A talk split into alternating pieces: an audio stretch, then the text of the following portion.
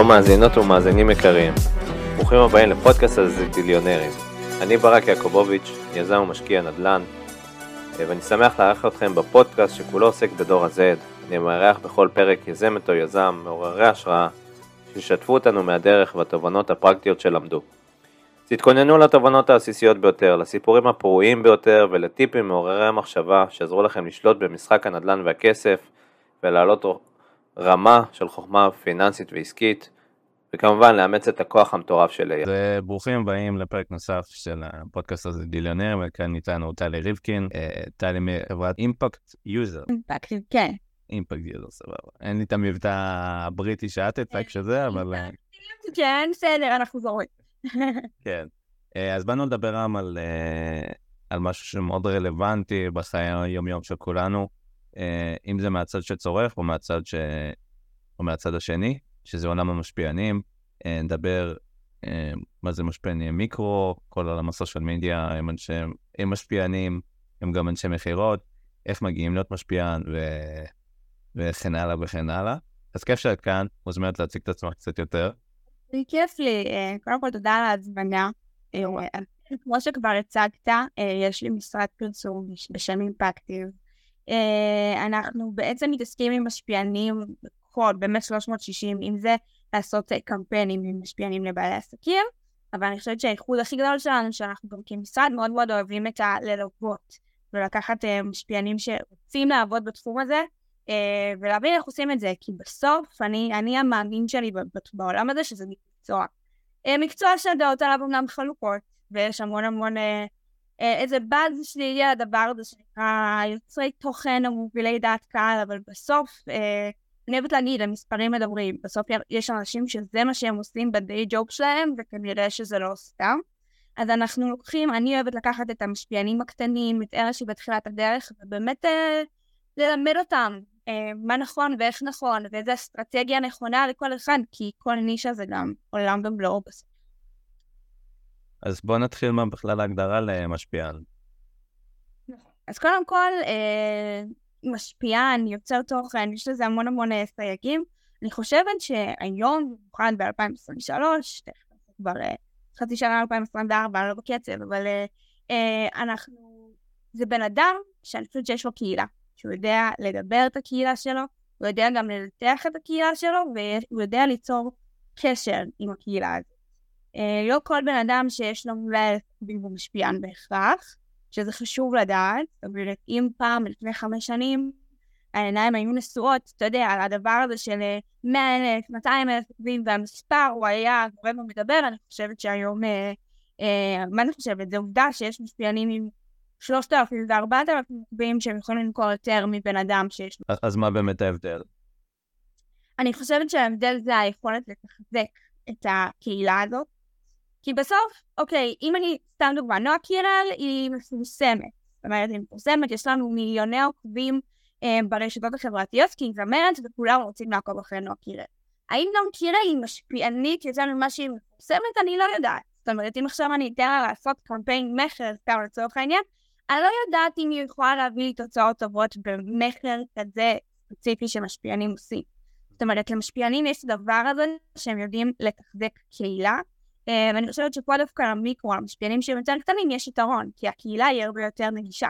זאת אומרת, אין לי עכשיו אה, DM מפוצץ ו-200 אלפים ששולחים לי הודעות, אני יכולה יותר לתחזק קשר רציף עם, ה- עם העוקבים שלי, כי אני עוד לא גדולה, וזה נראה מבחוץ לה יותר נישתי. אה, אז אני חושבת שבאמת משפיענים היום זה אנשים שיודעים לתחזק קהילה וגם יודעים לנתח את הקהילה שלהם. אז המשחק הוא בעצם יותר ב engagement, אם אני מבין. כן, לגמרי, לגמרי, לגמרי, לגמרי. אה, אני כן אגיד לך שמשרדי פרסום בארץ לפחות, זאת אומרת, אה, אם אני הולכת רגע שנה, שנתיים אחורה, עדיין היה חשוב להם, אה, גם היום זה קורה. זאת אומרת, גם היום אני רואה את זה כשמשפיעניות שלי הולכות ומנסות למכור את עצמם למותג, שעדיין יש איזושהי תפיסה כזו של את לא מספיק גדולה, אז בטח לא תמכרי. או את לא מספיק אין לך הרבה עוקבים, אז אני כאילו לוקח עלייך סיכון. אבל, אבל זה משתנה כל פעם גם בגלל, אתה יודע, המסחור. כאילו בסוף, אתה תאמין יותר למישהי, סביר להניח שיש לה אלפיים עוקבים, והיא לא עוברת משת"פ לשת"פ, מאשר למישהי שאתה כבר לא יודע ב state of mind שלך, שכאילו היא עושה שת"פים, וכאילו היא משפיענית שעובדת, וכאילו, יש משהו מאוד מאוד אותנטי במיקרו, אה, רק צריך לדעת איך להפוך את זה דווקא לא לאיזה חיסרון, אלא לקחת את זה שיש לי קצת עוקבים ולתחזק את הנישה. אז עכשיו מקשיב מישהו, וואי, מגניב, יש פה, נשמע שיש אחלה הזדמנות עסקיות. אה, איך באמת הופכים להיות משפיען? מה, מה הופך בן אדם למשפיען? אה, האם זה משהו שאפשר לעשות מ-0 ל-1, או שזה... מה בדיוק המשאבים ש... שאותו מישהו, מישהי צריכים להתחלה? אני אתחיל, אני חושבת שהדבר הכי חשוב, אני לא יודעת אם מדברים על זה המון, או שאולי כן, אבל אני חושבת ש... אמ, אני חושבת שבאמת יש אופן מסוים לאנשים שמצליחים בדבר הזה. אבל למה אני אומרת את זה? כי בסוף, אמרתי לך, אה, יש איזושהי זילות למקצוע הזה. עכשיו, זה נשמע אולי מהצד קצת מגוחך, אבל כמות המשפיענים והמשפיעניות, אני אדבר בנקבה, כי לרוב זה בנות, כאילו אגב, במקצוע הזה, זה יותר נשים מאשר גברים, אני חושבת שזה באמת בין המקצועות היחידים בעולם שיש יותר נשים באופן מובהק, שזה גם מעניין רגע להבין אולי למה. אה, אבל אה, יש איזשהו אופי מסוים ללעבוד בזה. כי כי אתה צריך לדעת גם א', לחשוף את עצמך, שזה לא כל כך פשוט.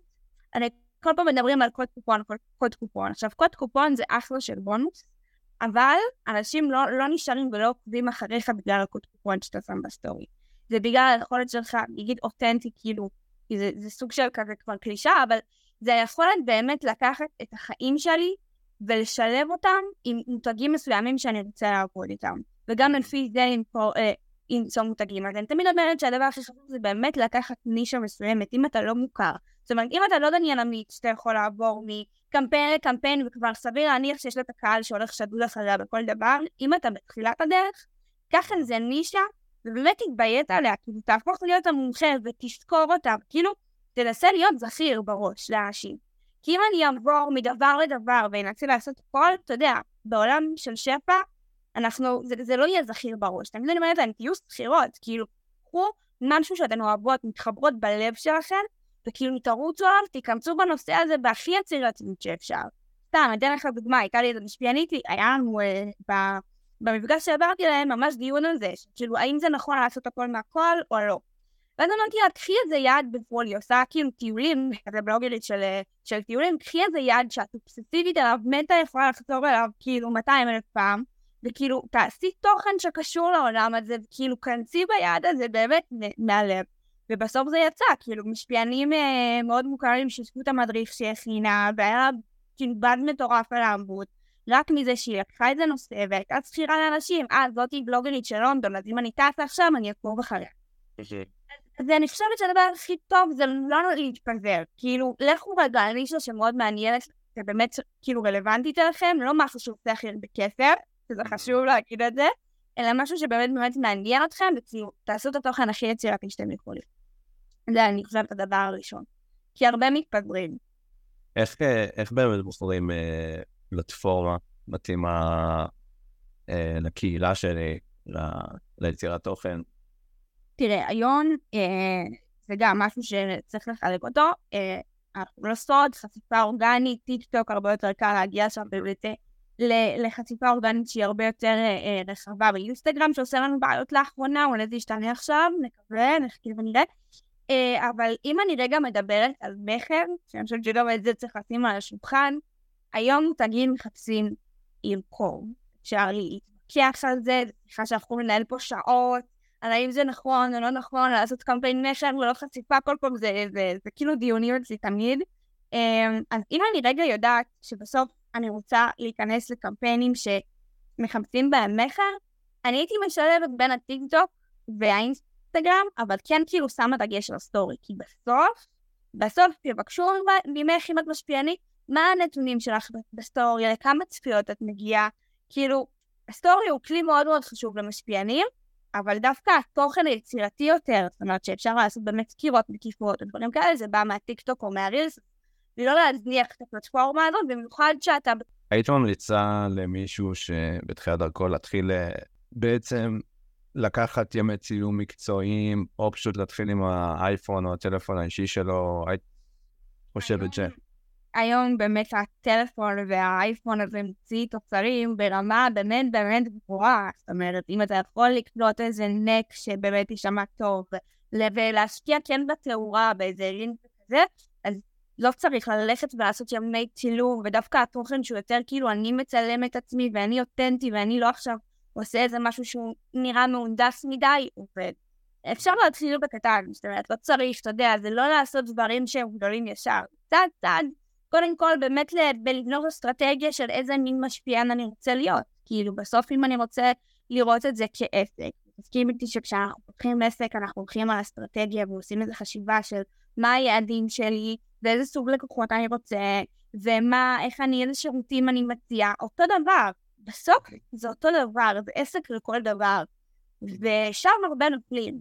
אני אומרת לך את האמת, שם הרבה נופלים, שם uh, הרבה לא מבינים כל כך את החשיבות בלהגיד לעצמי שאני עסק. Uh, אז אני חושבת שלפני שאנחנו הולכים על הימי צילום הגדולים וכל ההשקעה הגרנדיוזית הזאת, אפשר להתחיל גם בלצלם את עצמי עם, ה, עם ה, באמת האביזרים הטובים שיש לנו בעולם להציע, ולא להתקשר לזה עם תוכנית מתאימה. אז מה הקיט הראשוני למתחילים? היית אומרת? אה, זאת אומרת, טיפ כזה שאני יכולה להביא למתחילים? קיט מבחינת ציוד ואז נעבור לזה. כן, אוקיי. אז אייפון, כאילו, סורי, אבל בגלקסי זה פחות עובד, אני מצטערת לכל חובבי הגלקסי, גם לי לקח זמן באמת. פחות עובד, מה נעשה? אייפון, מיקרופון טוב, ולא לצלם עכשיו באיזה סביבה רועשת שלא שומעים אותי ואני מדבר וצורח. וננגלד, זה הכל, זה מה שצריך, לא צריך יותר מזה.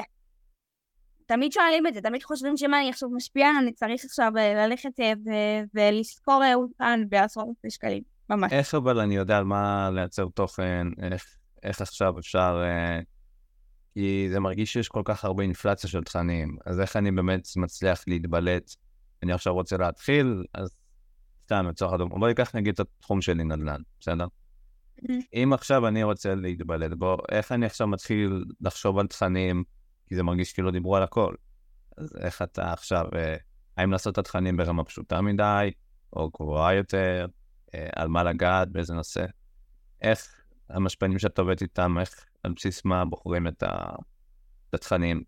אז שאלה מהממת, כי בסוף, אה, בסוף זה באמת מרגיש שכבר כולם עשו הכל מהכל, וכבר אין לי שום סיכוי להתבלט ברשת, או אה, כבר המוצגים מוצפים אה, במשפיענים, הם כנראה גם לא מחפשים עוד. אבל בסוף אני חושבת שאם אה, אתה בוחר קודם כל להיות יוצר תוכן, אז יש בך מן היצירתיות. זאת אומרת, יש בך את הדבר הזה של אני יודע מה יש לי להגיד. אז אני הייתי רגע באמת מורידה את זה, אתה יודע, לקרקע. כאילו, אם בחרתי לצורך העניין בלהיות, אה, אה, להתעסק בנדל"ן, אז אני בטוחה שאם אנחנו נישאר אני ואתה רגע לשיחת פיתוח, כנראה שיש סיבה שבחרת להתעסק בנדל"ן. זו יכולה להיות הסיבה הכי לא יודעת מה, הכי שנראית לך אולי מהצד שטחית, אבל בסוף יש איזו סיבה שאת אמרת, אני עכשיו מתעסק בנדל"ן, ובטוח שיש בך, אני בחרתי להתעסק במשפיענים, אני אתן לך דוגמא עצמית, כי בער לי לעבוד עם מיקרו, ממש. אמרתי כאילו, מפספסים אותם, ואני ממש ממש רוצה לקחת את הנישה הזאת של המיקרו, וכאילו להיות בזה, כי אני חושבת, כי המסר שלי היה שמיקרו יכול לעבוד לא פחות טוב ממשפיען שהוא נורא נורא גדול. ועל זה אני מדברת כל הזמן. אז בסוף גם לך יש את הנקודה הזאת, של למה בחרתי מה שבחרתי, ואני בטוחה שזה, אם אנחנו נדבר עכשיו לאלף שנים אחורה, אה, כנראה שהיה איזה משהו מסוים שהוביל אותך לשם. אז אני תמיד ממליצה קודם כל בלהיכנס רגע, לעשות איזושהי התכנסות כזאת, זה גם לוקח זמן, לפעמים לוקח לי רק שלוש, אה, לוקח לי המון זמן רק לעשות מפגשים שקשורים לפיצוח על מה אני רוצה לדבר, כי זה משתנה. אה, הייתה לי מישהי שבהתחלה הייתה שהיא הולכת לדבר על אופנה, ואז הגענו למסקנה שבכלל מה שבוער בפנים זה להיות משפיענית אוכל. כי יש לה איזה משהו עם אוכל, ודברים שהיא עברה עם אוכל, שבא להוציא את זה לעולם. אז בסוף זה באמת, כאילו, הכי קלישאה שזה נשמע, זה מה שבוער לי. כי מה שבוער לך, ובדרך שזה בוער לך, זה לא כמו שזה יבוא למישהו אחר. אז זה באמת לעשות איזושהי שיחת פיצוח של הדבר הזה. אמ, ולהביא את עצמי, זאת אומרת, לחשוף באמת את מה שאני חושבת. כל הטיפים היבשים האלה של אל תעשו את זה, ואל תעשו את זה, די. אתה מבין מה אני אומרת? זה באמת לשבת על שיחת פיצוח שלי עם עצמי ולהבין למה אני מדבר על מה שאני מדבר. איך? אמ, יש איזה כלי מדידה מסוימים שאני אה, משתמש בהם כיוצר תוכן ומשפיען, לדוגמה, כמות סטורים שבועיים, כמות uh, חשיפות מסוימות שאני בונה עליהם, או כמות uh, רילסים שאני עתיד להעלות. יש איזה משהו שאת, אה, איזה כללי אצבע כאלו, פחות או יותר? יש כללים, אה, כמובן שמכל בן אדם ובן אדם זה גם משתנה. זאת אומרת, יש אנשים, סתם דוגמה, שיכולים להעלות כל יום סרטון על טיקטוק, והסרטון לא יתפוצץ, ואז הם צריכים רגע לחשוב עם עצמם מה לא עובד לי, זאת אומרת, למה אני לא מצליח להגיע ל... לא יודעת מה, ל-500 צפיות בסרטון, סבבה? ויש אנשים שיכולים לעלות סרטון פעם בחודש, אבל הסרטון הזה מביא להם תוצאות מטורפות. אני כן ממליצה בתחילת הדרך, אה, כן להיות על הסטורי לפחות ברמה היומיומית, אם אתה עכשיו לצורך העניין בן אדם שקשה לו, אה, ויש לי כאלה שהיה להם נורא נורא קשה ללכת ולעשות יום צילום. כי זה גוזל מהם זמן, ולרוב הם לא מתפרנסים רק מזה, והם עושים עוד הרבה דברים תוך כדי, אז כדי להיות באיזושהי תנועה, זה להיות על הסטורי ולעלות איזה פעם של סטורי ביום. כללי מדידה זה כמובן תלוי בחשבון. בסוף אם יש לך, לא יודעת מה, 20 אה, אלף עוקבים, ואתה רק על 100 אה, צפיות בסטורי, כאילו אנחנו נמצאים באיזושהי בעיה וצריך להבין מה קורה בחשבון. האם קנית עוקבים, לא קנית עוקבים, אם קנית עוקבים אז לעשות רגע בדיקה בבוטים ולהתחיל להעיד, אתה מבין? אז זה כן תמיד להסתכל על כאילו, על מה מספר עוקבים, כמות חשיפות, כמות זה אם עשיתי קמפיין, אז כמה הקלטות, זה תמיד לבדוק כאילו את הנתונים של החשבון שלי ולראות גם מה אני יכול להציע, זה אחד הדברים שאנחנו עובדים עליהם הכי הרבה, זה להבין איך לחשב את, ה, את אחוז המעורבות, המראות, זאת אומרת להבין איך אני בסוף באה למותג ואומר לו כך, זה התיק עבודות שלי, זה מה שעשיתי וזה מה שאני יכול לתת לך. ושם, עוד פעם, הרבה נופלים, כי בסוף אף אחד לא ייקח משפיען בגלל העיניים ולפות שלו. כמו שאם אני עכשיו אבוא להתקבל לעבודה, אם לא יהיה לי קורות חיים שהם יהיו מספיק א' מתואמים למשרה שאני באה לעבוד בה, נכון?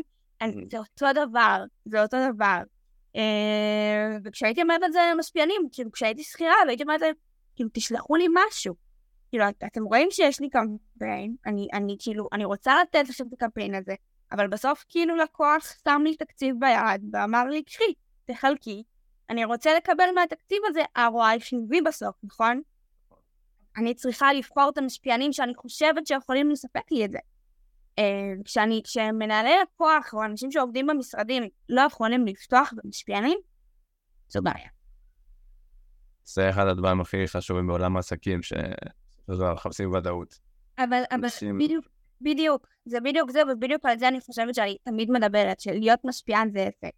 אה, אנשים לא מבינים את זה עדיין, אני חושבת שזה לא מספיק ברור, אני באמת אומרת, כי אני רואה מה קורה, זאת אומרת, כשאני, כשאני אמרתי שאני רוצה להוציא מוצר שידבר כל כולו על זה, אנשים צחקו לי בפנים, כאילו, מה קשור להיות בעל עסק, כאילו, איזה עסק הם? לדבר מול המצלמה זה לא עסק. אה, אבל זה כן. זה כן. אמ, לשאול הכל. כן. יאללה.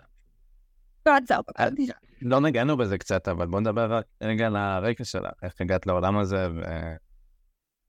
אמ, בגדול, אני הגעתי לזה, כאילו, אני בכל הסושיאל מגיל 15-14, כאילו, אני, אני הייתי מאלה מהילדות המעצבנות האלה, שאם הן רואות מפורסם, שהן חושבות שהוא הדבר הבא, הם כנראה יפתחו לו דף מעריצים, ויוכל להיות בסטנד שהם ינהלו קהילות וכאלה, אבל זה מה שעשיתי.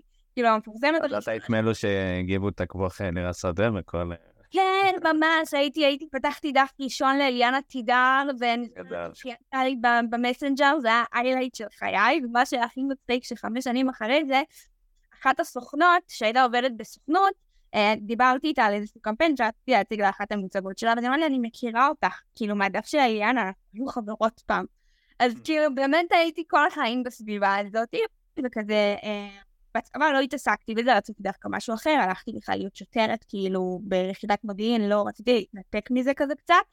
ואז שהשתחררתי, אני במקום מהצפון, אז כאילו עשיתי את המעבר הזה, אתה יודע, למרכז, כאילו חי בסטנט, אה, והתחלתי לעבוד כמנהלת סושיאל של, אה, של אלון גל, של מהטלוויזיה. אז עשיתי שם סושיאל, וקצת כזה, בגלל שהוא מכיר מלא אנשים מהתעשייה, ומלא כל מיני פרסומים, אה, באים אליו וזה, אז כזה התחלתי יותר להתעניין קצת. וכל התופעה הזאת של המשפיענים, וכאילו כל מיני אנשים שמגיבים לו וכזה. ואז התחלתי לעבוד פשוט במשרד פרסום, אחרי שסיימתי שם, אמרתי, אני חייבת, כאילו, אני חייבת לחקור את העולם הזה עוד קצת.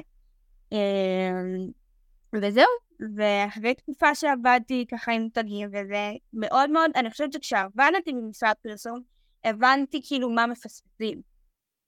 כי אחת המשפיעניות שעבדתי איתה ממש צמוד, היא הייתה משפיענית אה, עם ארבעת האחוזים, אני חושבת, משהו כזה, אה, שכאילו הייתה מציעה את עצמה לקמפיינים ואף אף, כאילו, אף לקוח לא רצה אותה. אה, ואני ראיתי שיהיה לי פוטנציאל, ושארבעת אלפים עיכובים האלה זה כאילו אחוז המרה מטורף. והייתי דוחפת אותה כזה לקמפיין, והיום היא כבר חתומה אצל גלי בראון, שמי שלא מכיר, היא סוחרת משפיענים מאוד מאוד גדולה בארץ, כשיש לה משפיענית הזאת רק 15 אלף. וואו. אז הבנתי, כן. אז הבנתי שיש פה איזה משהו שלא מדברים עליו מספיק, שזה המיקרו משפיענים. מה מבדל אה, משפיענים כאלו לעומת משפיענים... אה, דיברנו על זה קצת, אבל ברמת התכנים שלהם, ברמת המעורבות שלהם בסטורי וכאלו, מה, מה באמת מבדל משפיען רגיל? אני אגיד לך את האמת, אני חושבת שמשפיענים כאלה מרגישים יותר בנוח, ורואים את זה מבחינת התוכן. כי הם לא מפורסמים. זאת אומרת, אני אתן לך דוגמה עכשיו, כל דבר שלא יודעת, מדעניה מי תעשה, סביר להניח שתוך שנייה זה כאילו יהיה כבר בכל, ה... בכל העמודי בידור, וכאילו זה יצא החוצה לגיא פינס ומה שאתה לא רוצה. כשאתה קטן, אתה לא, כאילו אין לך יותר מדי מה להפסיד. כאילו, אתה מבין? אין לך יותר מדי מה להפסיד. אני לא מפורסם. אני לא מפורסם. אני לא חייב עכשיו אה, להיות פוליטיקלי קורקט, או לא להגיב על נושאים מסוימים, שהם הגדולים כן מפחדים, יש להם המון מה להפסיד, כי הם גם מאוד מפורסמים כבר. זאת אומרת שזה... זה, זה בידול שהוא מאוד מאוד חשוב, ולא הרבה מבינים את זה ולוקחים את זה, שוב, זה לעשות מה, מהלימון לימונדה, זה להבין שכאילו, אני יכול להכיר את הקהל שלי יותר טוב, אני יכול ליזום מפגשים עם הקהל שלי, כי כאילו, בוא, יש לי כולה עשר עוקבים, כאילו זה לא עכשיו 200 אלף, אני יכול אה, ליצור איזה קבוצת וואטסאפ, כי אני קטן ואני עדיין יכול להשתלט על הדבר הזה. זאת אומרת, היכולת הזאת ליצור חיבור שהוא יותר קרוב, הוא מאוד מאוד בולט במיקרו משפיענים, ושוב, זה גם להכיר את הקהילה שלי.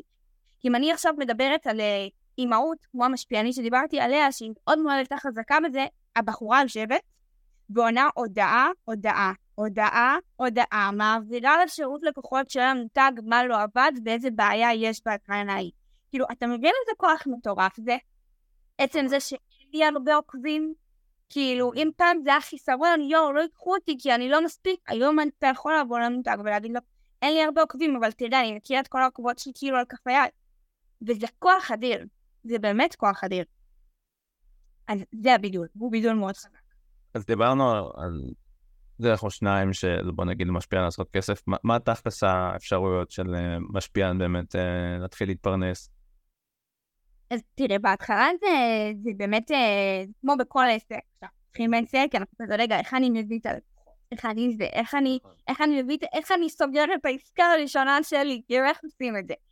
אצלם זה גם, זה הרבה עבודת שטח. אני תמיד ממליצה לעקוב אחרי כל המותגים שאתם רוצים להגיע אליהם. זאת אומרת, לא יודעת מה, יש לכל אה, אה חברה שמכבדת עצמה ניוזלטר, תירשמו לניוזלטר, תעקבו אחרי כל הפעילויות השיווקיות שהם עושים. תדעו את המותג, את הלקוח, בעל פה, ממש. ואז ככה, אם יש איזה תוכן מסוים שבא לך לעשות על המותג, אתה יכול למצוא היום בלינקדין לצורך העניין את המנהל שיווק. כאילו, זה אפשרי היום, זה מאוד מאוד פשוט למצוא מנהל שיווק.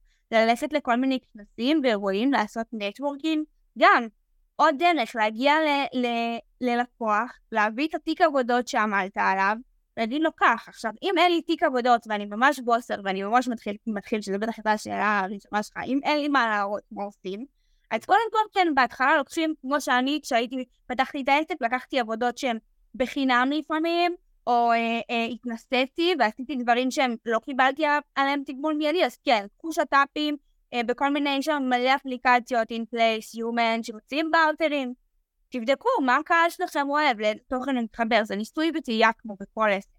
ואחרי שאתם מקבלים את הנתונים האלה, תבנו באמת תיק עבודות קורות חיים, שהוא יהיה מיליון דולר, תדפיסו אותו, לא יודעת מה, תעשו כרטיס ביקור ותעשו ברקוד שיהיה אפילו אפשר יהיה לסרוק אותו, כאילו זה להיות יצירתי וללכת ולחלק אותו, פשוט ככה.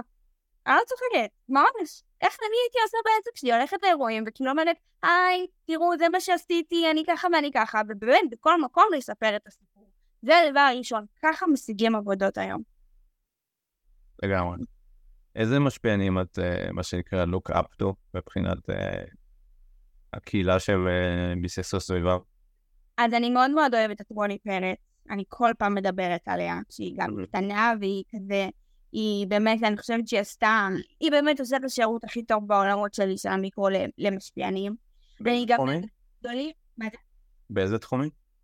היא עושה אימהות וכזה ילדים וכל מה שקשור גם ללידה, באמת מספקת שם את כל הסיפור שלה עם הילדה שלה. היום היא כבר גם מתפתחת לעוד uh, תחומים, אבל בקהילה שלה היא בנתה סביבה קהילה מדהימה של אימהות שהולכות uh, אחרי כל דבר שהיא מתפרסמת, כאילו לא ראית דברים כאלה, אני לא צוחקת. זה ברמה של הגדולות, כן. Uh, משהו מטורף. Uh, אני אוהבת מאוד את נדיר אליהו, שהוא מבחינתי uh, uh, משפיען שהוא גבר. אה, שמפרסם אופנה, שיש בזה משהו מאוד מעניין, כי לרוב, כמו שאמרנו, נשים אה, הן השולטות בתחום הזה, אבל אדיר זו דוגמה קלאסית למישהו שלא הלך ועשה כאילו בעשרות אלפי שקלים, אלא באמת פתח סטורי ודיבר למצלמה. זה מה שהבן אדם הזה עשה, ועשה, היום כל החברות שלי כאילו מכורות אליו, ברמה שפעם אחת כזה עשיתי איתו קמפיין, כולם התעלפו. Uh, הבידול שלו זה היכולת שלו להפוך כל סיטואציה להומור, להשתלב בימי צילום, ועושה להם כזה גם מאחורי הקלעים. אה, אז אתה מבין, כל אחד יש לו את הדבר הזה שהוא חזק בו, אז נדיר לקח את ההומור והקצין אותו ולקח אותו שלב קדימה, והוא מצא דרך גם לשלב את זה לקמפיינים שהם מסחריים ועם חברות, עדיין בשפה שלו, זאת אומרת, השפה שלו בכל שטח מאוד מאוד בולטת. אז בגלל זה אני אומרת שהעבודה על, על הבידול שלי ועל הנישה של מה המסר שאני רוצה להגיד, זה עבודה שהיא קשה ולוקחת זמן. זאת אומרת, זה לא שמחר אתה תחליט, זהו, אני רוצה להיות משפיען ולהבין מסר, יאללה, אני הולך לחלק קורות חיים וביי. לא. זה לשבת ולהבין באמת עם עצמי מה המסר שלי לעולם. אה, ויש שוב, הגדולות, כאילו הגדולות שעובדות, דניאל עמית יש לה קהילה מטורפת. אה, דניאל גרינברג יש לה קהילה מטורפת. זאת אומרת, יש הצדקה למי ש...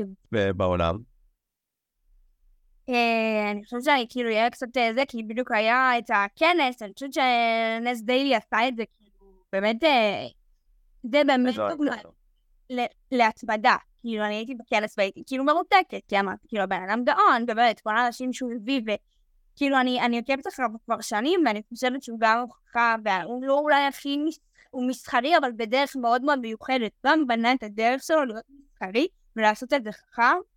אה, והנה, דוגמה למישהו שלא ויתר אחרי אה, כמה סרטונים לא מוצלחים במרכאות, אלא באמת הבין שזה תהליך בדרך. ואני כל פעם אומרת את זה, אני תמיד מביאה את הדוגמה שלו, כאילו תראו, הבן אדם נהנה יום יום יום יום בלי לוותר, וזה קרה בסוף, אז כאילו מי יגיד שהשוק מוצף? זה חרדה, כאילו זה לא נכון. אז uh, אני, אני מעריצה שלו ממש. כן, אני זוכר, שמעתי ראיון שלו, והוא מדבר בעיקר על זה שאנחנו כאילו עובדים עבור העוקבים שלנו, ולא להפך. הם בסופו של דבר מי שיבנו אותנו, ושהוא תמיד מסתכל שהוא מייצר את הסרטונים שלו, שזה הולך להיות למרק צוקרברג, קולומביאני, שיושב על איזה חוף, אה, מתוך מטרה שבאמת בסופו של דבר זה צריך להיות חד, פשוט. הוא מדבר על זה, על הדבר הזה של להכיר את הקהל, ולהבין מי עוקב אחריי, ולמה הוא עוקב אחריי, ותמיד הוא מדבר על זה, למה עוקבים אחריי, כאילו אני רוצה לנסות להבין למה עוקבים אחריי. ואני חושבת שאתה יודע, זו השאלה הכי חשובה, כי בסוף כן, משפיענים משרתים את העוקבים שלהם, זה לא ההפך, זה ממש לא ההפך. הם משרתים את העוקבים והם צריכים לספק להם תוכן. בגלל זה מאוד מאוד חשוב להכיר נתונים, להכיר קצת שיווק, להכיר, להבין, אה, אם אני בוחר קמפיינים, להבין איזה קמפיין אני לוקח. גם אם יבוא לך מותג עכשיו ויציע לך לא יודעת מיליון דולר, על הקמפיין, ואתה יודע שזה לא קשור לקהילה, טוב, סבבה, מנהל שיווק לא עשה שיעורי בית, זה לא משנה. המקצועיות של המשפיען זה להגיד, אני מצטערת, כאילו, אני מצטערת, אני מצטערת, זה לא קשור לקהילה שלי, אני לא יכולה לקחת את זה. ולא הרבה עושים את זה, אני כאילו אגיד לך מאחורי הקלעים שיש אה, הרבה פעמים בדיחות על כמה משפיענים שהייתי קוראת להם שוק קחטן. כי כל קמפיין שהייתי מציעה להם, הם אה, ולטווח הארוך זה פוגע. זה כמו שאנחנו לא נרצה לעבוד עם כל לקוח. אתה תרצה היום לעבוד עם כל לקוח שפונה אליך? לא, ממש לא. למה לא? זה time consuming. גם, אה, את יודעת, אני, התחום שלי קצת שונה, כן? אבל אה, אני באופן כללי מעדיף גם להיות B2B וגם לעבוד עם חבר'ה יותר גדולים. בעולם שלנו, של עולם השקעות ונדל"ן, יש הבדל מאוד גדול בין עכשיו אה, לעבוד עם לקוח גדול שמבין עניין, לבין לקוח קטן שהוא שואל אותך שאלות שהן לא רלוונטיות. אה, אז למכור השקעה או משהו כזה, זה קצת שונה מעכשיו אה, לא, למכור לא. בגד. כל עסק עושה את ששואל את עצמו תמיד האם כל הכוח שנכנס אליי הוא באמת רלוונטי אליי, ואם אני גם יודע להגיד הלקוח הזה הוא מבזבז לי את הזמן, ויש מותגים כאלה שזה מאוד קשה לעבוד איתם, כי הם לקרוש יותר מדי, כי הם אה, שמים תנאים לשת"פ שלהם, זאת אומרת, גם משפיען צריך לה, גם, אה, במיוחד להפעיל שיקול דעת, במיוחד בנישה כזאת. כי אם אתה תמתג את עצמך כבן אדם שלוקח הכל מהכל, הפוך, אתה צריך שיהיה לך תחרות בשוק, שכאילו מותגים יציעו לך דברים ואתה תברור. עכשיו, זאת אסטרטגיה שלמה איך להגיע למצב כזה, אבל לשם אנחנו מכוונים בסוף. יצא לך לעבוד עם משפיענים שנהיו משפיענים בעקבות uh, ריאליטי או חשיפה כזאת או אחרת, וזה פתאום uh, 0 ל-100? זה מצחיק שאתה שואל את זה, כי אחד... או ל-20 אלף, נכון, כן. כן.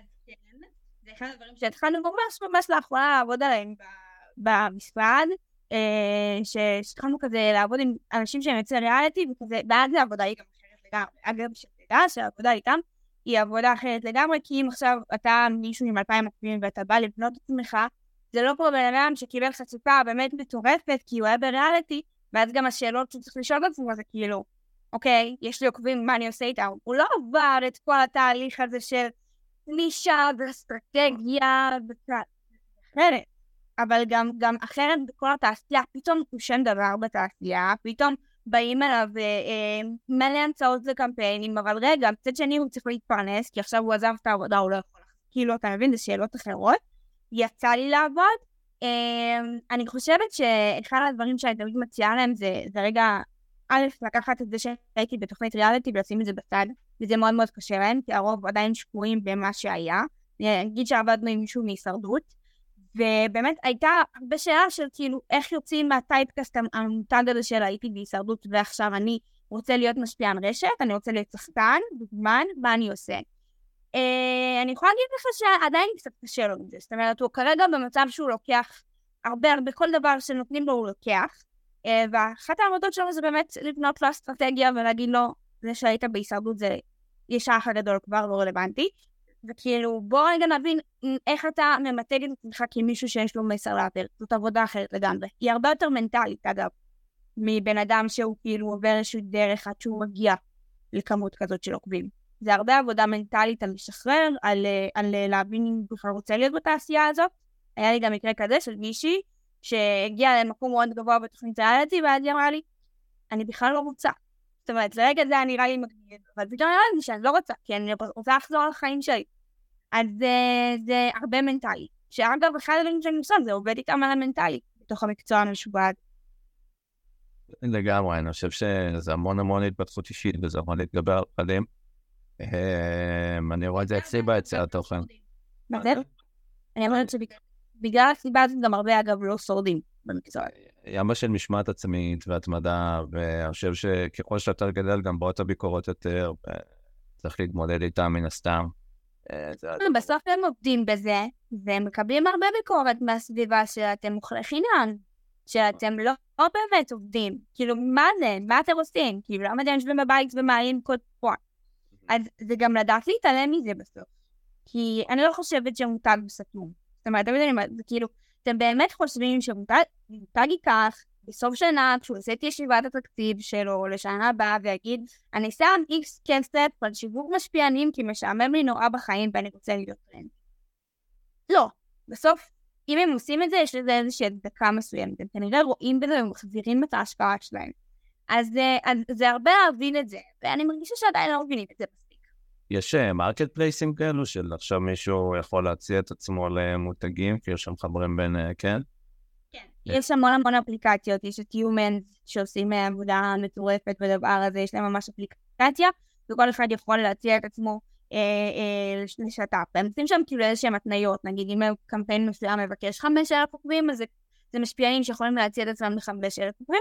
אני אתן פה טיפ וסוד, לא תמיד זה שרשום 5,000 עוקבים, זה בהכרח אומר שאם אתה לא תהיה מספיק טוב עם 2,000 עוקבים, אתה לא תוכל להגיש את עצמך, זה כאילו פורמלי, אבל אני יכולה להגיד לך שבתור מי שניהלה קמפיינית, בעיניים משפיענית, שהיא ידעה להציג את עצמה ולעשות פיץ' מכירה מדהים למה אני צריכה לקחת אותה למותג, וידעה להיות מקצוענית, גם אם הלקוח דורש חמש אלף, אני הייתי הופכת עולמות ולוקחת אותה עם אלפיים. אני חושבת שזה טיפ חשוב. לא תמיד מה שרשום, כמו שנכון שאומרים כשהולכים להתראיין לאיזה מקום עבודה ורשום בדרישות משהו, ואז אמרת, טוב, אני לא אגיש, כי אין לי חמש אה, שנות ניסיון, יש לי רק שנתיים, אז אני לא אגיש קורות חיים, כי למה לעשות את זה בעצם? אז אותו דבר, לא תמיד הדבר הזה שרשום משהו שהוא חובה, אומר שזה עכשיו גזר דין העולם ואי אפשר לשנות את זה. אז אני חושבת שזה הטיפ הכי גדול שאני יכולה לתת לכל האנשים שאולי חושבים או נתקלים באיזשהו סירובים ב marketplace ים כאלה. יש את Humans, יש את InPlay שעושים עבודה גם מטורפת. קהילות בפייסבוק זה הדבר הכי חזק למשפיענים ever, במיוחד אם אתם בתחילת הדרך ורוצים להשיג אה, שת"פים. כנסו לקהילות, יש טיקטוק ישראל, אינסטגרם ישראל, יוצרי תוכן, UGC, כאילו לא חסר מה, תעקו את העולם ופשוט תתחילו ליצור שת"פים גם עם משפיענים אחרים, אתה יודע, זה עוד כוח. בסוף אנחנו כבעלי עסקים עושים כל שת"פים עם אנשים כדי להעביר איזשהו ערך, איזשהו מסר. אה, אבל זה חלק מבניית אסטרטגיה. אתה מבין? זה להבין את העולם הזה ולהבין שאם אני ארצה משהו, אני יכולה להשיג אותו פשוט. מה את מרגישה שהקהל משתנה עם הזמן? בעקבות... כן. זה, אני חושבת שזה העבודה של כל אה, אנשי השיווק כאילו, תמיד להבין שהקהל משתנה, הקהל, אתה יודע, יותר מודע. צריך להבין, אם פעם לפני עשור היינו מאוד מופתעים קוד קופון, היום כאילו פחות, כאילו היום בכל מקום יש קוד קופון. אז זה למה אני גם תמיד מדברת על המיקרו, כי שוב, שם זה ה... שם זה ה... למה... זה למה אני חושבת שהמיקרו הם יותר, יש להם את הפוטנציאל הזה, כי בסוף כולם יודעים שכאילו המשפיענים הגדולים עושים ערימות של כסף מהאינסטגרם, ושכל דבר שהם מעלים כביכול הוא ממומן, אז כן, הקהל משתנה, הקהל יותר ביקורתי. הקהל שם לב אם מישהי מוכרת משהו שהיא לא מאמינה בו, זה צריך רגע להגיד. בסוף אם את לא תדעי לחבר, אם אתה לא תדע לחבר את השת"פים שאתה עושה לחיים שלך, זה לא יעבוד. אני אומרת לך, באמת, באמת, באמת רואים את זה. כאילו, אני הייתי רואה שמשפיענית לוקחת קמפיין שהיא לא אוהבת. רק כי ההצעה הכספית היא נורא נורא אה, מפתה. בסוף אם את לא יודעת לייצר תוכן שהוא גם לא ממומן, אנחנו בבעיה, ואת באמת, אני יכולה להסכים פה עם הביקורות שאת לא באמת יוצרת תוכן. בסוף, בסוף אני חושבת האתגר הכי גדול זה לדעת להתאים בין הקמפיינים שאני עושה לבין התוכן שאני מייצרת, כי אני כטלי רוצה לייצר את התוכן הזה. זאת אומרת, לדעת לאזן בין זה. אם את תייצרי תוכן רק כשיש לך שת"פים, וגם אגב אם את מאוד גדולה, כן? זה שאם הגעת לפה לאיזה פייק מסוים ואת גדולה, זה לא אומר שאת לא יכולה להמשיך לשמור על הדבר הזה, את חייבת. כי כמו שעוקבים עולים, ככה הם יכולים לרדת, וגם זה קורה. אז כן, לשאלתך, הקהל משתנה כל הזמן, והקהל עיני נץ. זה ימשיך להיות יותר מובהק בשנים הקרובות. איך אנחנו יודעים, אה, כמשפיען, איך אני יודע לנתח את הקהל שלי, את הקהילה שלי? הכי פשוט, לפני שאני רגע נכנסת עכשיו ל insight ולכל הנתונים באינסטגרם שאתה יכול באמת לראות, אם יש לך יותר אחוז של גברים או נשים, או לחשב עכשיו אה, באחוזי אה, מעורבות וכזה, זה פשוט גם לשאול. ותמיד אני אומרת, למה אתם לא מדברות עם הקהל שלכם? תעשו סקר, תעשו סקר. אני אני המלצתי פעם למשפיענית, סיפור אמיתי, היא לא ידעה אם לקחת איזשהו שת"פ, כי היא לא ידעה אם כאילו הקהל יתחבר לזה או לא. ואז ממש עשינו כזה סדרת סטורי של סקרים, של שאלות, היא עשתה אפילו עלתה לליין ודיברה עם אחת העוקבות שלה, איך את רואה אותי מהצד? איך את רואה את התוכן שלי מהצד? האם את מתחברת? האם את חושבת שממש דיברה עם עוקבים של שיחה פתוחה על שת"פים, אוקיי. שזה אגב עוד טיפ. הקהל שלכם לא סתום, הוא יודע שאתם עושות שת"פים. זה בסדר להגיד לו שאתם עושות שת"פים. כאילו, הכל טוב, זה לא סוד, הם יודעים והם בוחרים להישאר שם למרות השת"פים שאתן עושות. אז כן, גם לשתף קהל בהתלבטות שלכם על שת"פים מסוימים, זה אחלה דרך לדעת אם יש שת"פ מתאים. שוב, זה, זה מתקשר למה שדיברנו קודם. בסוף אנחנו עובדים בשביל הקהל שלנו. אז גם לשתף את הקהל שלנו בהתלבטויות שיש לנו, אני חושבת שזה כאילו אותי אישית, ואפילו שאני בתוך העולם הזה, כל פעם שאני רואה שמישהו עושה את זה, זה קונה אותי. כאילו אני אומרת, יואו, כאילו אני, אני מתה עליה. רק על זה שהיא חושבת על הדבר הכי פשוט בעולם, פשוט לשאול. תשאלי את הקהל שלך. אתה יודע כאילו כמה, כמה אתה יכול לקבל מזה? מה, מהשיחה הפשוטה הזאת עם מישהו שעוקב אחריך? טונה. אה, אז בוא נעבור לשאלות, לשאלה הישראלית. אז תכלס כמה אפשר לעשות על זה? כמה, מה באמת, אה, בואי נגיד. אני אוהבת קמפיין התחלתי ל... אתה יודע, עכשיו מישהו עם 100 אלף, מעורבות מטורפת. תראה, אז המשפיענים אני נחלק את זה בשפה המקצועית, יש את ה-A-ליסטים, יש את ה-B-ליסטים, ויש את המיקרו, הננו, כל אחד קורא לזה איך שהוא רוצה. ה-A-ליסטים שגלי בראון מייצגת לצורך העניין, הם יכולים להגיע למצב שהם עושים 200 אלף שקל. וואלה, אוקיי. המשפיענים שהם, אגב, צריך להבין את זה, המשפיענים שעושים הכי הרבה כסף, בסוף זה המשפיענים שהם מוכרים. כי מה שקורה בפועל, שאם עכשיו אני אה, אה, באה למישהי ומציעה קמפיין מסוים, אני גם נותנת לה בלי שום קשר לשכר בסיס שלה, סתם. עכשיו היא מקבלת 20 אלף שקל לקמפיין אה, שהוא כולל בתוכו פעימות סטורי, סבבה? עכשיו צריך להבין, זה מתומחר לפי פעימה. יש פעימת סטורי, נגיד וריל, אוקיי? פעימת סטורי זה ממש העלאה רגילה של סטורי, בדרך כלל עושים יותר, כי בפעימת סטורי אחת פחות אפשר לחשוף מותג ולמכור, אז בדרך כלל נותנים שתי פעימות סטורי, סבבה? ריל תמיד נחשב יותר יקר, לרוב אה, המשפיענים שמוכרים, כאילו כל המיקוד שלהם יהיה בסטורי. למה? בסטורי שמים קוד קופון, שמים לינק, אפשר אה, למדוד, אפשר למכור, הסטורי מוכר. משפיענים כאלה שהם עובדים במכר מקבלים גם אחוזים מהמכירות שלהם. זה נע מ-5% עד ל-15%, סבבה? מכל מחיר. זה משפיענים שעושים הכי הרבה כסף, הם יכולים להגיע למצב אלה שסגורים כבר בנבחרות, שזה כאילו נחשב הכפית זהב של כל המשפיען זה לעולם לא יהיה הקמפיינים הנקודתיים האלה. זאת אומרת שיש מוצר, בוא נעשה פעימת סטורי וגמרנו. לא. זה יהיה קמפיינים שהם לטווח ארוך, בדרך כלל זה נבחרות שנתיות לשנה קדימה. הם יכולים להגיע למצב שאם הם גדולים בשתי נבחרות אפילו, הם עושים כאילו 200 אלף שקל. זה המשפיענים הגדולים, הממש גדולים. הקטנים יכולים לקחת לכל פעימת סטורי, נגיד בינוניים כאלה, לא יודעת, 30-40 אלף עוקבים, אם אני רגע הולכת על עוקבים. 9,000, לפעמים גם 5,000 בטווח הזה, והמיקרו, תחילת דרך שלהם היא מאוד מייגעת, אני מכירה משפיעניות שהתחילו מרק לפי מכירות, זאת אומרת בואי תוכיחי את עצמך, אני לא מכירה אותך, תעבדי בלי שכר בסיס, תראי לי כמה את מוכרת, ולפי מה שאת מוכרת אה, תקבלי את השכר שלך. בתחילת הדרך, כדי להכיר את הקהל שלך, אני כן ממליצה להם לעשות את זה, כי שוב, בתחילת הדרך אנחנו תמיד, מה עושים? אוספים נתונים. אני אוספת נתונים בשביל להשתפר. אז זה עולם מאוד מגוון, של סכומים מאוד מגוונים, כמובן ככל שאתה גדול יותר, אתה עושה יותר כסף. וכן, יש כאלה שזה מה שהם עושים. אני אומרת את זה שוב, זה מה שהם רוצים, זה נראה לי לא, אנשים עוד לא מבינים את זה מספיק, זה הזוי, אבל יש אנשים שזה המקצוע שלהם, הם לא עובדים במשהו אחר. אה, כן. מדהים. אה, איך את עם טרדס? תראה, אני שם, אני שם, אני, אני, כן, מהרגע שהאפליקציה הזאת יצאה, אה, מכורה, כאילו, לא הבנתי איזה יום אנחנו מראש הייתי כאילו כל, ה, כל היום הזה. אני חושבת שעוד עדיין מוקדם לי לנתח אותה, מה שאני כן יכולה להגיד לך, שזה כן ישנה קצת את ה... אני לא יודעת אם זה ישנה אה, משמעותית את עולם המשפיענים ופתאום הסטורי יימחק ולא יהיה זכר לקוד קופון, אבל אם אני לוקחת רגע דוגמא את אה, דיאן מהאח הגדול שמדברים עליה הרבה ב Threads, זה השינוי תדמית הקלאסי, כאילו זה מה שהאפליקציה החדשה יכולה לעשות, לקחת משהו על מישהי שחשבנו על דברים נוראים לפני שנה, ולעשות לה שיפטים פתאום, פתאום היא מצחיקה אותי ואני לא רוצה שהיא תעוף לי מהמסך. אז אני חושבת שהאפליקציה הזאת תבחן את אלה שבאמת אה, אותנטיים לא כדיבורים, אלה שלא אכפת להם לדבר על החיים שלהם בצורה מצחיקה ושנונה באפליקציה חדשה.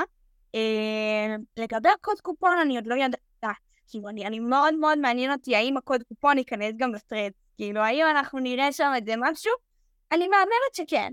יש שם אה, סטורי? לא. כרגע זה נטו הטוויטים הטרנדים האלה שהם מעלים, אסור להגיד ציוץ, שלא ישמעו אותנו פה. אה, עוד לא, ולכן אני אומרת, זה הולך להתפתח. זאת אומרת, אם קוראים קצת מחקרים ומאמרים של מה שמגיע לאפליקציה הזאת, היא הולכת להתפתח, ויש שם גם אפשרות אה, אה, לכתוב דברים יותר ארוכים. זאת אומרת, א' כל זה מחזיר לנו את הטקסט פתאום, תמיד דיברנו על וידאו, טיק טוק, רילס וזה, פתאום משהו מחזיר לנו את הכתיבה, אז יכול להיות שהמשפיענים השולנים יותר, אלה שיש להם באמת משהו להגיד שהוא כזה יכול להיות בצורה קלילה ומצחיקה, כמו סתם, נדיר אליהו, יהיו שם באמת אה, אה, מובילים. אז זה גם שאלה. זאת אומרת, אתה תראה עכשיו שלרוב, בצורה שקורה בארץ, הם בעיקר עסוקים בלפתוח אחד על השני. פתאום יש שם איזה מלחמת אגואים כזאת, שאם בסטורי מאוד מנסים להסתיר, פתאום שם כזה אתה רואה באמת מה קורה בתעשייה. אז זה מעניין, אה, אני רוצה לראות איזה חברה אה, מסחרית תהיה הראשונה לקחת ולעשות מזה קמפיין שיווקי. פתאום איזה ריאל פן משפיענית, שבזאת נגיד נגלה שזה איזה פרסומת לאיזה פוסם חדש שיוצא. אני מאמנת שזה יקרה. לגמרי. איפה את רואה את עצמך עוד חמש שנים? וואו, איזה שאלה, אני רגילה לדבר על משפיענים. כן, זהו. אה, זה- סובה. למיקרו למאקרו, כן. ממש. אמ, אני חושבת ש... א', אני באמת באמת רוצה להמשיך אה, ללוות אה, יוצרי תוכן. כאילו זה עושה לי, זה עושה לי ממש ממש טוב לראות אותם, אה, אתה יודע, גדלים ומתפתחים. זה- באמת נותן לי מלא אושר. אני רוצה לעבוד עם חבורות גדולות שמשקיעות כספים טובים על ניהול קמפיינים של המשפיענים. אני באמת רואה את עצמי עושה... עושה את זה כאילו ממש עם חברות גדולות, וגם אולי אפילו לא חברות גדולות, אלא יותר משרישה את זה גם לבעלי עסקים שהם לא עכשיו עושים מיליונים. באמת בא לי להשריש את התחום הזה ולהגיד לאנשים שכאילו זה פה בשביל להישאר, זה לא גימיק. אה, אני מרגישה שעדיין הם מתייחסים לזה לגימיק. כאילו בא לי, בא לי להיות מאלה שמוכיחות אחרת, שזה פה בשביל להישאר. אז אה, זה כזה התכנון. אולי גם בחו"ל, לך תדע. לך תדע, אני עוד לא יודעת, אבל יש... כיף פה בכל. כן? אתה ממליץ? אתה ממליץ? אני מאוד ממליץ, כן. מתי תקופה. וואו, כן? אבל אתה רואה את עצמך חוזר? זאת השאלה שתמיד בא לשאול. בטח.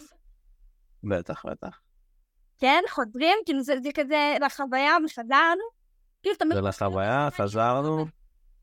כן, אבל בוא נגיד, אה, נראה לי שזה קל להגיד עד, ש... עד שיש לך משפחה, אבל נראה לי ברגע שתהיה משפחה אה, בעתיד, בעזרת השם, אז נראה לי זה יהיה בוודאות ישראל. אה, כן, לא, רוצה לצלף אותם? הזאת. אני חייבת להגיד, אני תמיד כאילו מרגישה שברגע שעוזבים, כאילו מאוד קשה לחזור. כאילו. כאילו מתרגלים לאיזה טוב מסוים, ונורא נורא קשה לחזור, אז כאילו, זה מפתיע אותי. כי אני, יש לי המון חברים שעושים עסקים בחו"ל וזה, וכאילו, אומרת להם, הם תחזרו, הם אומרים לי, לא. כאילו, זה נורא מובהק להם שלא. אז כשאתה אומר לי, זה מאוד מפתיע, כי אני תמיד מפחדת שאם אני אעזוב, אני לא אחזור.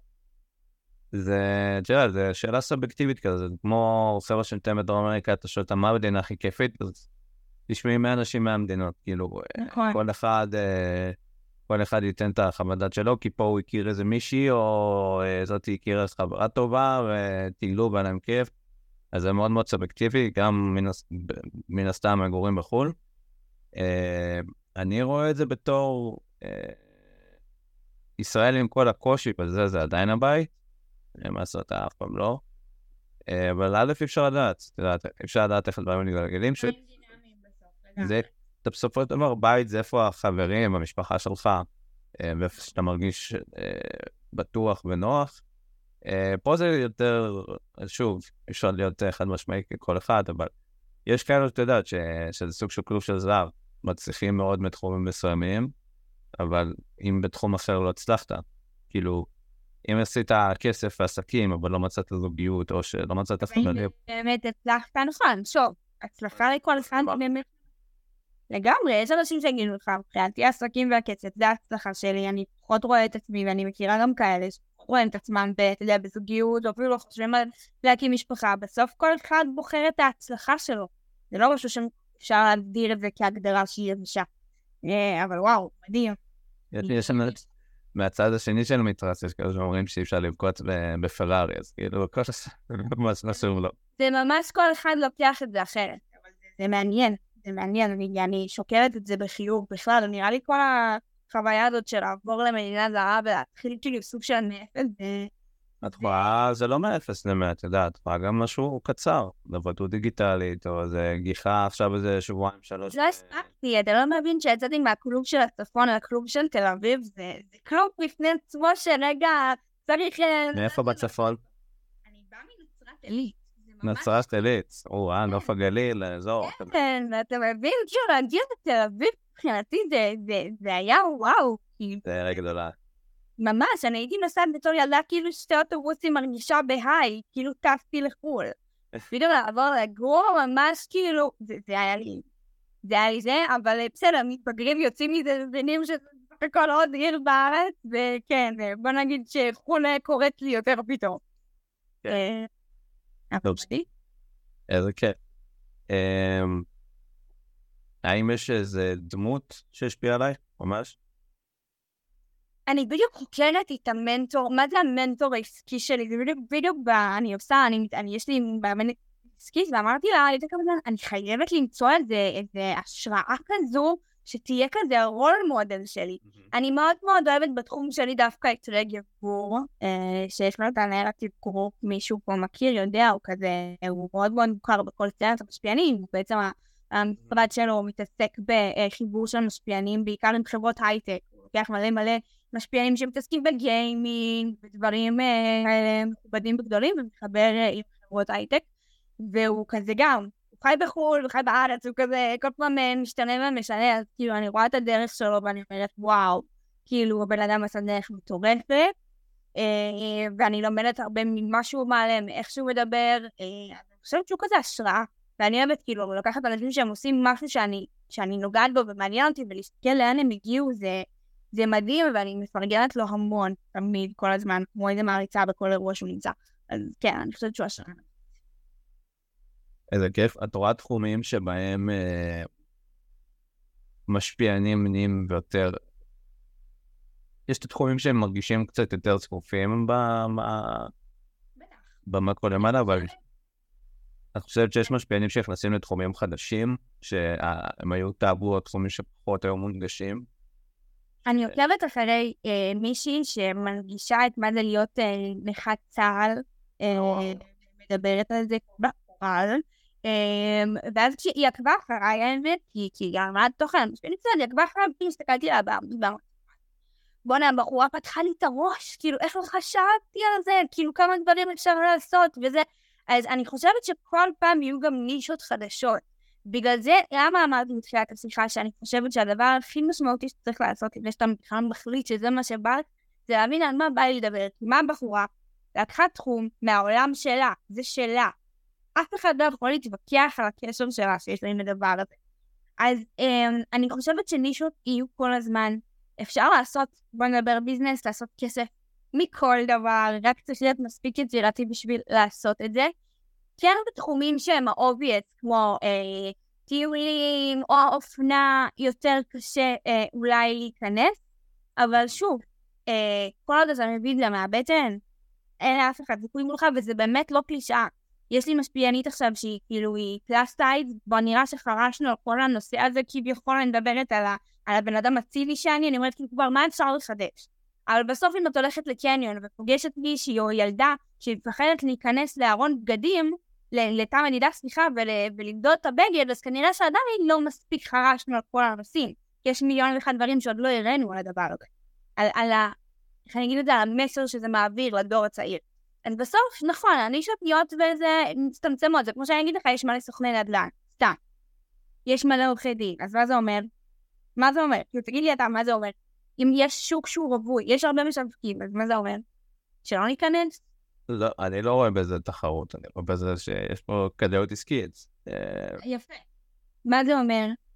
זה מעניין. כן. פה בארצות הברית את רואה לפעמים אה, ליד מקדונלדס, אתה רואה את כל המתחרים שלהם כביכול, ברגר קינג, Wendy's, נמצאים באותו לוקיישן כולם. כי מבינים שאוקיי, אם מקדונלדס שם, אז סביר להניח הקהל יעד שלנו שם, יש מחיר קצר לכולם. וכשמתעסקים בעסקים, פתאום מבינים את זה, שזה בכלל לא קשור לתחרות. נכון. זה לא קשור לתחרות. וכשמשפיענים מבינים שהם עסק, הם מבינים שזה לא משנה אם אחת שתיים עושה אותו דבר. אם אני מוצא את הקול שלי בין כל הדבר הזה, היא לא תגיד אותו דבר. גם לי היום, כביכול בתחום הזה שנקרא ייעוץ עסקי למשפיעניות, וזה מצחיק, היה לנו שיחה על זה, יש לי מתחרות, יש עוד מישהי מהממת שעושה את זה, שאני מכירה, אני עוקבת אחריה. אז מה, כאילו אמרתי לה, הלקוחות שלי הם לא יהיו הלקוחות שלך לעולם, גם אם אחת תלך אליי ואחת תלך אלייך, זה לא, זה פשוט לא. אז אני לא, אני לא אוהבת להגיד השוק רווי וזה, יש נישות שהן יותר צפופות, כי כאילו נורא קל לדבר עליהן כביכול. אבל יש את האנשים שבאים וגם מביאים משהו חדש לעולם, ומלמדים אותנו שאפשר לדבר עליהם על הכל. אז אם נסכם את... אה, זה המטרה של פודקאסט. כן, וואו, אני חושבת. אז אה, אם נסכם את זה לקראת סיום, אה, מה הם חמשת הצעדים הראשונים למה שנקרא משפיען מיקרו? קודם כל, באמת, בא לי לא להיות קלישתית, אבל יוצא לי, סליחה. אני חושבת שבאמת הדבר הכי חשוב זה לא לפחד מלדבר למצלמה. עכשיו, אני אומרת את זה באמת, כי הייתה לי משפיענית שהייתה להיות משפיענית מבלי לדבר למצלמה, מבלי לחשוף את עצמה. אז אני חושבת שהצד הראשון זה להבין שבשביל להביא את הקול שלי, צריך לחשוף את עצמי. זה לא משנה באיזה דרך, אבל צריך. להבין את זה, קודם כל. דבר שני, אני חושבת שאני אקח את מה שדיברנו עליו, זה לא לרוץ ולעשות ימי צילום ב-4,000-5,000 שקל. אין צורך. קחו את האייפון, אייפון, לא גלקסי, אני מבקשת, זה באמת טיפ. אייפון, ופשוט תתחילו ל- ל- ללמוד לדבר במצלמה, כי זה למידה בסוף. למידה בסוף. ת- תתאמנו על זה רגע, ואז תשבו עם עצמכם. אני אוהבת ללכת לים, כשאני מרגישה שאני רוצה רגע לחדד מסרים, ללכת לים, לשבת מול הים ולכתוב מה מעניין אותי, למה אני רוצה לדבר על זה, איך זה יתרום למישהו אחר, איך זה תורם לי. תעשו עם עצמכם שיחת תוכן כזו, של בכלל, מה יש לי להגיד לעולם. זה הדבר השני. הדבר השלישי, ברגע שהבנתי והתחלתי קצת לייצר תוכן, לצלם, למדתי קצת לערוך, ראיתי איך אני נראה מול מצלמה וכל העבודה הזאת בכלל על התוכן, אני חושבת שחשוב זה קודם כל להבין, אם אני רוצה להרוויח מזה כסף, הדרך להרוויח כסף זה לעבוד עם מותגים האלה, איזה מותגים, או אפילו לא מותגים, חברות, אם עכשיו אני משפיענית שעושה עמותות, או מדברת על נשים וכאלה, עם איזה עמותות אני יכולה לעבוד, עם איזה חברות, תרשמו לכם, תבינו, תבדקו מה המטרות שלהם, עם איזה ערכים אתם יכולים לתת, לעשות שוב, זה סקר שוק בשפה שלנו העסקית, תעשו סקר שוק על בכלל המותגים, שבא לכם לעבוד איתם. אני חושבת שהדבר הרביעי זה להתחיל להציע את עצמכם, לשלוח הודעות, אמרתי, לעקוב אחרי ניוזלטרים, להתחיל כזה ללכת להשקות, אם את מכירה מישהי שהיא גם הולכת להשקות, או איזה משפיענית שהולכת להשקות, תפנו, לא לפחד, לפנות, לשלוח הודעות, אני שולחת מלא הודעות ביום. אז זה באמת הדבר אה, שאני חושבת שהוא חשוב, והדבר הכי חשוב זה ליצור שיתופי פעולה עם משפיענים. זה לא תחרות פה, ולא צריך להיות לבד, זה פשוט תחום מאוד מאוד בודד. כשאתה מתחיל, אתה יכול ליצור שיתוף פעולה עם עוד איזה משפיען, אפילו מנישה שהיא נשמעת לך הכי לא קשורה, עם קצת יצירתיות אפשר לחבר הכל, וזה מה שעושה את זה גם מעניין. אז uh, אני חושבת שבסוף זה עבודה על תוכן, uh, סקר שוק, חקר שוק, לבדוק מה הולך, מה לא הולך, להבין מה המסר שלי ושיתופי פעולה. הכי כאילו הצעדים הראשונים. מדהים. אה, משהו אחרון לסיום, שאת רוצה להוסיף? שאני חופרת ברמות, סתם, אבל שהיה לי ממש ממש כיף, ואני חושבת ש... אני חושבת שבאמת, זאת אומרת שהתחום הזה, אנשים לא מבינים, אבל הוא באמת באמת כאן כדי להישאר. אז גם, גם כצרכנים, כשאנחנו עוקבים אחרי תוכן ואחרי משפיענים, תשאלו את עצמכם אם לעקוב אחרי משפיענים, למה אני עוקב, מה מעניין אותי בהם. זאת אומרת, גם אנחנו כצרכנים צריכים להעביר ביקורת על הדבר הזה ולהיות כזה במודעות. ולמשפיענים זה להבין שזאת עבודה קשה. אז אם מישהו פה עוקב אחריך, אחרי הפודקאסט, ואומר, טוב, אני אצור תוכן ואני אהיה מיליונר, תוך לא יודעת מה, שנה, אז להבין שזה עבודה וזה עסק לכל דבר. אז אם אתה לא מספיק חזק נפשי, הייתי שוקלת רגע, להבין אם זה בכלל מתאים. וזה. מדהים. תודה רבה לך, מרתק. כן, תודה על השיחה.